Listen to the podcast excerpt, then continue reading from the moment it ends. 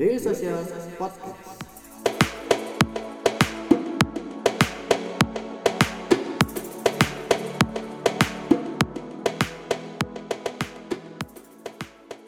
Oke, sebelumnya kan lu udah ngomong tadi soal edukasi gitu ya, bahwa eh, ada yang well educated gitu ya, tapi ada juga yang pastinya enggak gitu.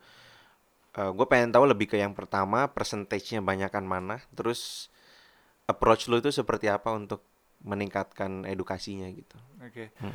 Eh, persentase antara yang well educated atau cukup tahu aja digital marketing, gua rasa semua tahu digital marketing, tapi kebanyakan mindsetnya ya, ini yang gue temukan ya, correct me if I'm wrong. Oh sorry gue potong. Jadi levelnya ada yang cuman udah mindsetnya udah bagus banget soal digital Iya, marketing, ada yang cukup tahu aja tuh berarti kayak tip of the icebergnya doang gitu Iya, iya. dari digital marketing sampai yang nggak native sama sekali gitu. Ya ya. bener, jadi gua gua tarik lagi ke atas lebih ke arah tanpa terms mar- marketing. Jadi Hmm. pengertian UMKM, eh, pebisnis di Indonesia tentang digital itu sendiri gitu ya. Banyak dari mereka tuh berpikir begitu ngomong digital adalah social media Hmm.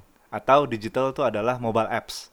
Nah, padahal sebenarnya digital itu bukan tentang itu semua, bukan tentang teknologi canggih dan lain sebagainya. Hmm. Digital itu tentang how we do things.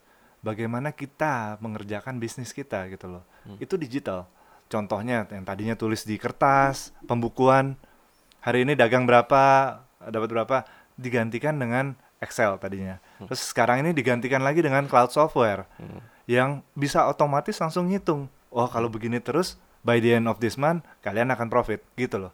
Jadi l- lebih ke arah seperti itu ya, bukan kayak oh, gua harus bikin mobile app segala macam. No, itu itu mindset yang salah sih. Hmm. Gitu. Jadi Balik- terminologi going digital juga nggak harus Yes. sampai segitunya gitu ya Yes, yes, sebenarnya yes. how you uh, manage to ya run the business gitu segala macam kan Iya, gitu ya. that's why yang mereka-mereka belum teredukasi dengan baik ini kebanyakan kalau lu notice mereka akan ngeluh lagi sepi nih.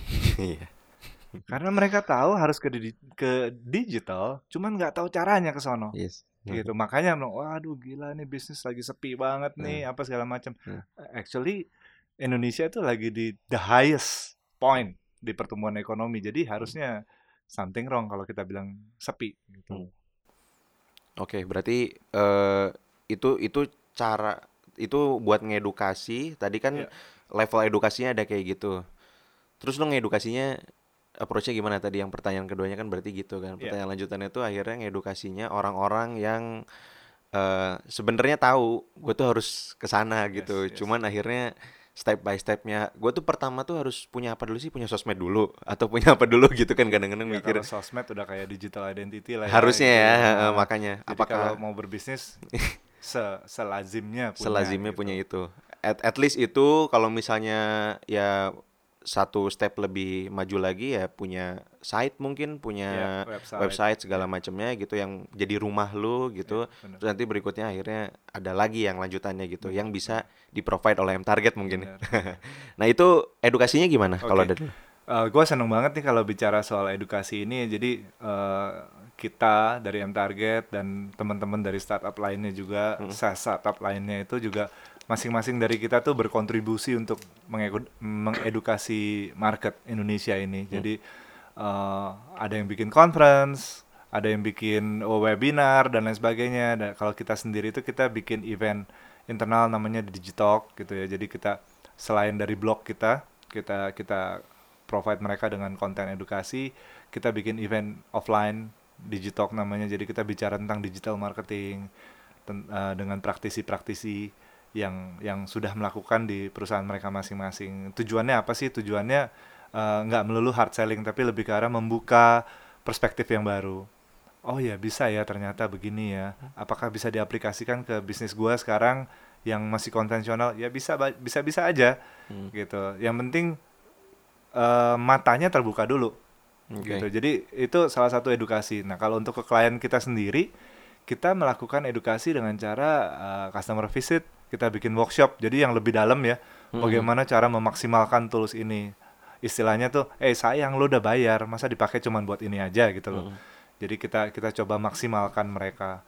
ya hopefully apa yang kita lakukan bersumbang sih sedikitnya ada lah gitu Untuk loh ya, membuka mata gitu ya untuk Ya. membuka mata Cuman eh, kalau fokus lu di edukasi, kemudian apakah di kegiatan yang sama gitu ya, itu ada gue sedikit ngomongin ke apa ya kontribusinya ke bisnis lu gitu ya. Eh, conversion ke jadi customer itu cukup besar nggak sih?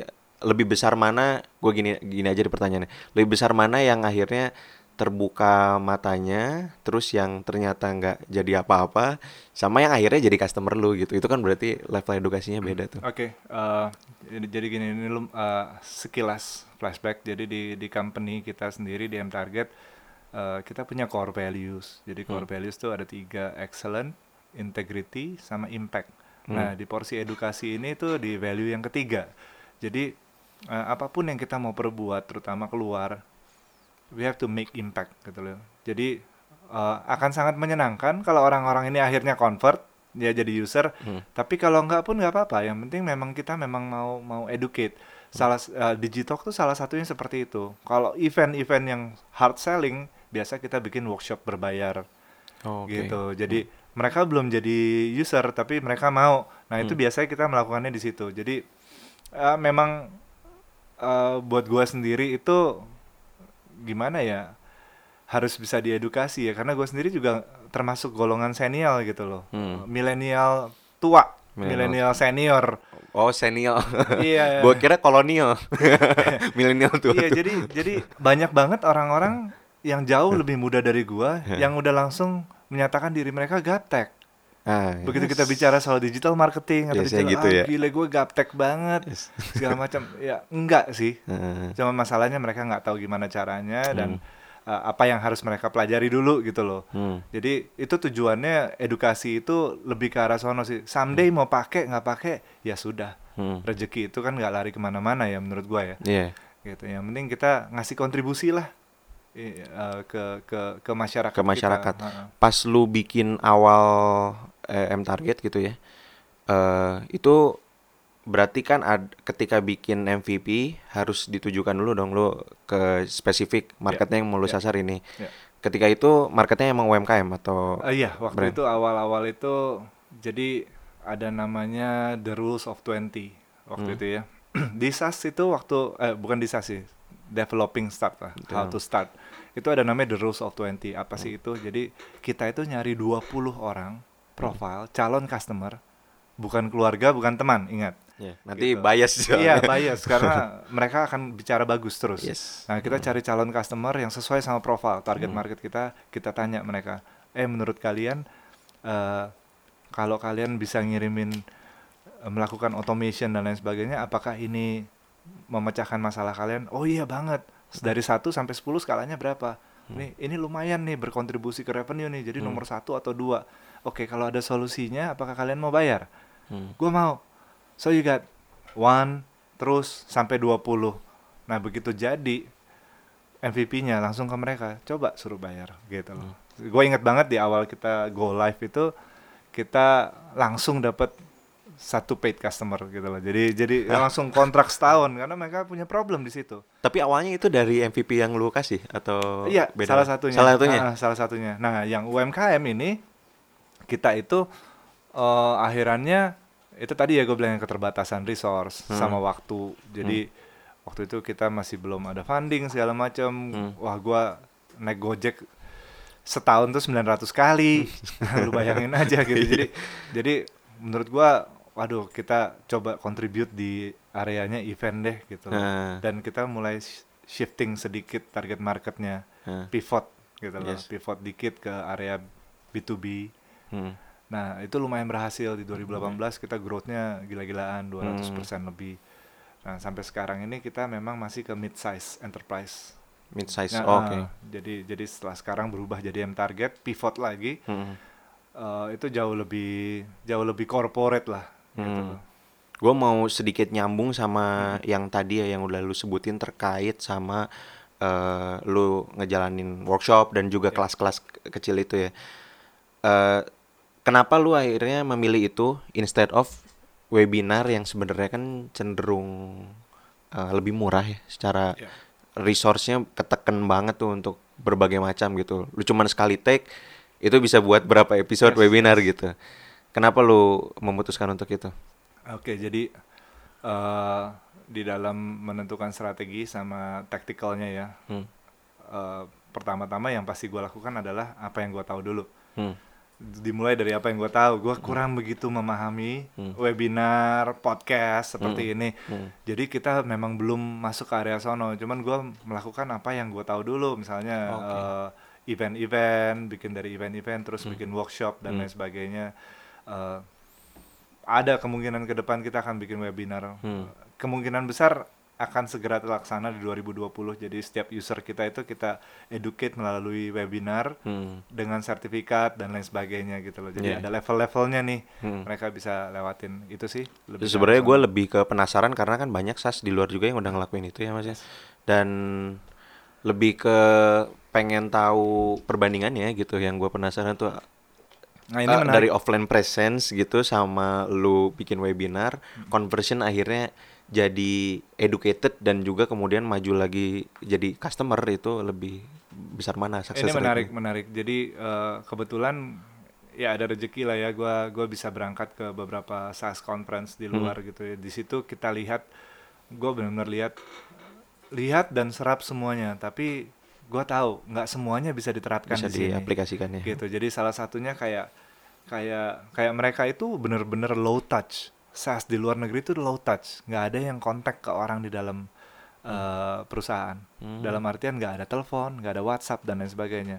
Mereka nggak nggak ngelakuin itu. Hmm. jadi gua bikin lu dateng lu suka lu bayar lu pakai. Nah mereka seperti itu. Jadi Hmm. karena kenapa bisa murah? Karena low touch itu. Iya. High touch itu kalau kita datengin segala macam. cuman Iya. marketnya Indonesia harus masih harus high touch Oke, oh berarti karena nature Mm, iya, marketnya. bener, nature-nya. Cuman anginnya lagi ke sini. Kita juga udah ngeliat trennya di user kita tuh banyak banget yang self service. Mhm. Jadi eh datang, lihat-lihat, suka, subscribe. Banyak juga gitu. Hmm. Jadi ya hopefully nanti ke depannya lebih banyak yang seperti ini Hmm. gitu. Oke, oh ternyata itu berarti kalau di luar mungkinkah karena lebih dulu ya Jauh, eh, lebih jauh dulu lebih dulu, jalannya ya mungkin karena itu juga ya faktornya. Oke, jadi cara ngedukasi juga nggak terlalu berat gitu Iya, ya untuk iya. mereka. Dan eh, kaitannya sama gimana mengakuisisi customer, yang pengen gua tanyain berikutnya adalah metrik untuk ukurannya gitu. Kalau di eh, media yang seperti daily social gitu ya, itu kita pasti ngukurnya dari page views yang tinggi gitu ya. Terus gimana akhir ya itu akhirnya berdampak ke eh, apa ya suksesnya kita untuk eh, growth di tahun ini dan segala macamnya. Nah kalau di SaaS itu metrik apa yang digunakan untuk mengukur keberhasilan dan juga ya growthnya seperti apa Oke, gitu. eh, jadi kalau di di kita itu eh, growth matrix itu menggunakan MRR. Jadi Benar. biasanya SaaS itu MRR itu monthly recurring revenue. Jadi kita base revenue base Hmm. matrixnya. Eh, jadi memang terutama di M target ya saya nggak tahu di di SaaS startup Hmm. yang lain kita memang nggak mengejar jumlah user yang gila-gilaan growthnya, tapi benar-benar high quality leads Hmm. dalam artian masuk satu kalau bisa convert gitu. Jadi jadi apa yang kita ukur adalah berapa banyak paid customer dan berapa banyak revenue yang disumbang. Hmm. Jadi kalau yang memang self service biasanya di paket-paket yang nggak terlalu mahal, Hmm. gitu mereka bisa langsung. Tapi kita kan juga ada tim sales ya, jadi yang Hmm. datang sales call ke ke company-company. Hmm. Nah itu kita ukurnya semua pakai MRR. Jadi eh, ada juga yang ukur pakai ARR namanya annual recurring revenue, tapi Hmm. kita sementara pakai MRR untuk Oke. mengukurnya. Nah ini diukur lagi, ditarik balik lagi dari revenue ini berapa biaya yang kita keluarkan untuk Hmm. dapetin mereka ini. Hmm. Jadi ada customer acquisition cost namanya. Oke, kalau di, CAC. di start. Nah, Oke.